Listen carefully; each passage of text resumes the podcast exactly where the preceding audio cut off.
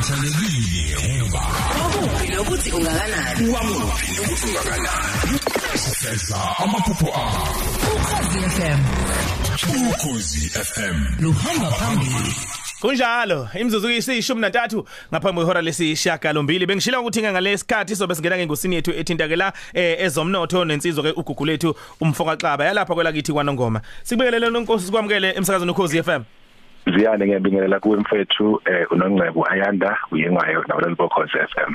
Nonkosi njengoba sikuyona inyanga kaMay iAfrica Month sibheka izinto eziphathelene nemnotho yethu eh emazweni aseAfrika sibe sibheka futhi eh si- sibheka ngeso lokuthi kade sikhuluma lento nokhathide indaba yokuthi kusola ngonyaka odlule nje masiqaphela eh amazwe amaningi aseAfrika isikhathi sokhetho l- lesi oke kube ukuthi kubeka ezinye izinto engcupheni kakhulu makubhekwa ke abanye ukuthi imnotho yalawo mazwe bayibuka kanjani? Kunjalo eh nongcebo uzokhumbula ukuthi iAfrika inomsebenzi omkhulu wokuthi ibumbane ihlangane njengoba sazi ukuthi okwenzeka lapha ezweni laseJalimane ngeminyaka yama 1800 wayakha ukuthi ingabisaba nakho lokhu ukuxhumana eh okubalekile ekuthenini njengezwekazi lingamane nje libe izwekazi elimanhlanu mhlanu kodwa libe izwekazi elizokwazi ukuthi lihlanganise amazwe alo onke kakhulukazi ngoba eh, uma sikhuluma ngezomnotho sike sikhuluma hayi kuphela ngezinto ezitholakala emhlabathini kodwa sike sikhuluma ngabantu abasuke bephila okuyibo ekufanele babe namandla ukusebenzisana bakwazi futhi eh, ukuthi bathenge komunye nomunye. Ziwindonga lezi ezikhona ehambisana nokuthi ma ukuthiwa ungumAfrika waseningizimu Afrika awukwazi ukusebenzisana kalula nomuntu waseUganda noma waseZimbabwe. Sike sabheka khona la ekhaya eh, nonkosi ngesonto ledlule lapho besibheka khona izinto ekufanele siyibeke eqhulwini njengeningizimu Afrika. Sabheka indaba yobuholi sabheka indaba yokuthi abantu abasebenza kuhulumeni esi- esingathi phecelezi ama civil servants i- indlela awuhlonipha ngayo nawenza ngayo umsebenzi. Kunjalo ilokho nongcebo bese kubuka ngeviki elidlule ngoba singena esikhathini esinzonzo kakhulu njengezwe laseNingizimu Afrika lapho ukwabona futhi kuye kwakhululwa inombolo ehambisana nokuthi eh lelinyukile futhi izinga labantu abangaqashiwe eNingizimu Afrika. Lesikhathi sixoxa ke lokhu nakwezinye indawo ekuthenini ungabuka izwe lifana nalese US sake sakusho lokhu ngaphambilini elinabantu abawu 345 million kodwa unemployment yakhona 3.4 ubuke amazwe la sikuwona sikuyi BRICS kunye nawo. Uyothola ukuthi amaningi analokho kuthiwa i1 digit unemployment okusho ukuthi kungaphansi ka 10% yet thina sibancane kakhulu kodwa sesigijima lapha cishe uhalf wabantu bonke abangaqashiwe mkhulu umsebenzi ekuthenini akuze kumele kuhlalwe njengempela kumele kusetshenzwe kubhukulwe kumukele imbono abantu bonke baqeqeshwe basizwe nalabo abasemandleni nasemagunyeni ngoba asi asikuvume phela ukuthi njengogugu lethu akanazi impendulo zayo. Yonke into.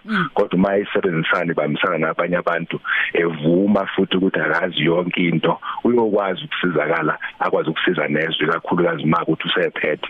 Kanjalo nalabo bakuyipolitiki abavuma ukuthi eh, kukhona u- u- ukuthula abadingayo ekuthenini bathuthukise izwe balisephambili abavumeke ukuthi izimbo M- um- mhlambe mangabe sibheka nje ezwenikazi laseAfrika i- iziphi ingqinamba ekhona eh uma ngabe kuziwa endabeni ethinta eh i- u- umnotho wakhona? Kanjalo mhlambe mhlambe ne- nanendaba eh, nanendlela okuphethwe ngayo amazwe eAfrika Em ingqinamba ekhona mfoka ngobe zihambisana kakhulukazi nezepolitiki eAfrika. Uzokhumbula ukuthi ke kukhona enye inhlangano yezepolitiki ebethi ifuna ukuvula amagede nemigomo nemigoqo yonke ukuthi kungene okuhanjwe kube lula umAfrika athumane nomAfrika kalula. Kuyinto enhle leyo futhi ngicabanga ukuthi kuyohamba hamba kwenzeke. Kodwa iqiniso elikhona elokuthi umuzo yezweni elithile njengaseZimbabwe eh kunesimo sezepolitiki esingasihle ngalendlela ukuthi iAfrika kumele ukuthi mm, izwe nezwe iqale ikwazi ukulungisa isimo sayo ngaphakathi ngokwezepolitiki ukuze kube lula ukuthi noma kuthiwa kuyahanjwa abantu bayehla bayenyuka behla bayenyuka ngoba vele eh, bakhululeke ngempela aba- abeshi benyuka ngoba bebaleka.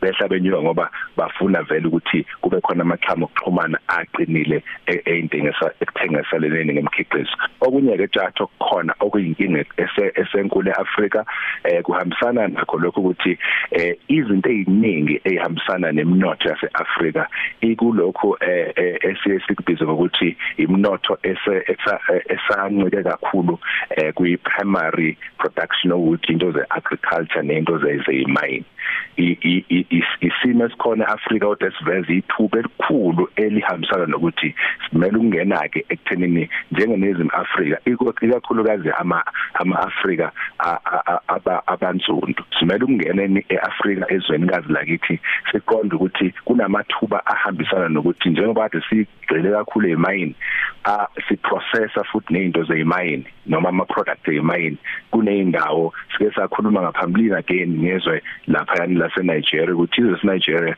lama minerals cishe ngaphezulu ka45 angakathintwa emhlabathini eh, ngoba lincike kakhulu kuoil lokho kusho ukuthi iquba efase ingene kulona kulabo bathanda bathanda kakhulu into zemayini mhlambe uma si- sibheka la nonkosi okunye okuthintile indaba ukuthi umAfrika kwasaxhumane noma nomunye umAfrika kalula. Eh masibheka ama African Continental Free Trade uh, Area Agreement. Sibheka nama bilateral agreements abakhona. Eh khona sike sayibheka nje ye- ye- yezwe lase Uganda. Nabantu abazohamba baye khona agri processing furniture njalo njalo bayokhangisa ngemisebenzi yabo. Ukubaleka kwaloko ekuthenini isimame imnotho yasemazweni aseAfrika. Kunjalo nengcebo njengamanje empeleni iyaqhubeka le leyo nkongolo lapha eUganda lapho eh izwe laseNingizimu Afrika likhona njengoba sikhuluma nje liqinisekisisa amaqhamu okuxhumana ngawezomnotho eh, ebhekisisa kakhulu. Uzokhumbula uma ungabheka indlela esi esi esithole ngayo eh, imali ngoba eh kumele sikwazi ukuthi ukuze silwe nesimo lesesibhekene naseNingizimu Afrika kumele sibe abantu ababheka ngaphakathi kuphela izixazululo fasazi ezinye izixazululo zingaphandle lapho uzothola ukuthi uma sithatha imikhiqizo yethu siyisa njengakhona lapha eUganda eh noma siyisa eh e- eDRC eh sizokwazi ukuthola imali evela khona. iUganda nje iningizimu Afrika ngonyaka odlule kuphela yenze u2 billion iningizimu Afrika iwenza nge ngemikhiqizo eyidayise eUganda. Kwase ukuthi iUganda yenza 102 million ngemikhiqizo eyithenga eningizimu Afrika. Kuye kube neyinkinga nake lokho lokho kubizwa phecelezi ngokuthi balance of- of trade ukuthi obani kahle hle abazuza kakhulu kunomunye. Kodwa nansi into nongcebo ubumqoka bokuthi umAfrika thina njengabantu abamnyama sibe ne ne- nentshisekelo yokusebenza neAfrika. Akuyona into evamile. Kuneyinombolo esike sayibuka lapha ngisho zezolimo u10 billion wama dollars ukuthi u34% wezinto besikhiqiza lapha ngaphakathi beziye Africa kodwa u99% balezo zinto zikhiqizwa abadeshi akuthini esikhiqiza ngamazwi a- a- akukho leli laka ne- ne- ne- ne- nefuthe lokufuna ukuthi sifune ukugijima makhulunywa ngeAfrica kodwa makhulunywa ngeEurope ilapho esigijima khona eh, siye khona. Kanti na umnotho khona la eAfrica fanele ukuthi masiwusebenze. Nonkosi u- uveza amaphuzu ab- abalekile la. Eh mhlawumbe nje sesiya ngasekusongeni in- ingxoxo yethu. Eh s- le yokuthi sihwebelana ngani. U- Sike sabheka ngaphambilini indaba yendwangu nonkosi ukuthi ave sigqoka indwangu eh lesayisithi indwangu yase Africa ngingazi ukuthi suke sitshela sikuphi thina kodwa sesithi esigqoke in- indwangu yase Africa S- singakubuka thina sengathi indwangu kodwa lapho si- sihwebelana ngaloko ke kuthiwe iculture uma kukubeka kubekwa ngolasemzini ngoba se- se- sigqoke impahla sithathe nalamaduku ave mahle amaduku ase Nigeria wekhathide uyakhumbula nawe kuma Kakhulu. kumasama wawufake hayi amasama amasatma wawufake lo mjiva lo wase Nigeria ungasemuhle lo unjani ublue? Eh, oh, blue, yeah, oh, blue. umuhle Le- leyo nto ukuthi si- sifunde ngamasiko ethu sihwebelane nangalokho we- wena nkosi. Kubalekile ngoba ukudlala ndawonye nokuxoxa ndawonye nokuhleka ndawonye eh kuyahambisana kakhulu nokusebenzisana kakhulukazi kwezamabhizinisi. Eh ngoba thina sinesiko eh, lethu njengama Afrika ekumele ukuthi silazi lokusebenzisana lokuzwana lobuntu njengoba kuhlala ukukhulunywa ngalokho. Na- nazo ke impahla lezi ziningi eh, nongceba izinto ezikhona eAfrika. U- ukudla nje kukodwa nokufunda ukwazi ukudla kwezinye indawo zama Afrika eh, ngoba l- lokudla abakudlayo ngisho mina ngabazi ukuthi kucishe kube nomsoco omkhulu kunaloko kwethu ngoba lokho kwethu la eNingizimu Afrika sesimane safumbelwa ngale zinto ekuthiwa ama GMO ukudla okujovile ejoviwe inkukhu ejoviwe ibhumbulu la yonke into othola ukuthi uyadla nje uyamincilela wazi ukuthi kufakweni eh izinto lezi eziyipolitiki ezomnotho okuhambisana nesimo fanele ukuthi sazi ukuthi kwamanye amazwe eAfrika singakwazi ukuthola ngisho imikhiqizo ethile esiyifunayo eh, esezingeni li fresh ngendlela emangalisayo futhi engajoviwe njengemningi esiyesile ethola ijoviwe Sasiphetha nonkosi office ukuthi axhumane nani? Eh mhlambe nongceba ngivumele ngithi nje kunesimo semacademia esikhona.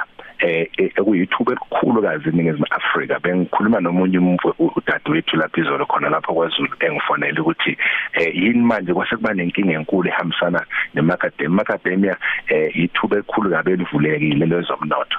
Eh ingxoxo zethu njengama Africa masikhuluma ngomnotho. Fanele siqonde ukuthi kunempi ehambisana nokuthi abantu bagweve nomnotho othile njengoba kade sikhuluma ngendaba yemakademia sekukhona ukuthi manje mawufuna ukutshala emakademia fanele ukukhokhela abantu abathile ulinde isikhathi eside 3 years uzutshalelwe ngoba kusekhona abafike bathatha lento ekuthiwa benze ekuthiwa protectionism kuye emakademia imbuzi lezi kade siyikhulisa sekusekhona sebeyiphethe. Ijuba lelutshwala bakithi eh sebapackage inkuni yazi inkuni njengamanje seyipackagewe seyifaka ama code zithengwa ngomama le emakhaya ojozini zifaka ama code zithengiswe ngabanye abantu ayisathengiswa ithini. Kunento eziningi esasixoxe kumele ukuthi ingxoxo zethu iqhubeke ngaphandle kwalokho esikhuluma ngakho la ekuthenini. Abantu bakithi abawuqonda umnotho ukuthi ukuyona yonke indawo bangene futhi bagxile kuwo. Eh inombolo yethu 0822522217 0822522217 nongcebo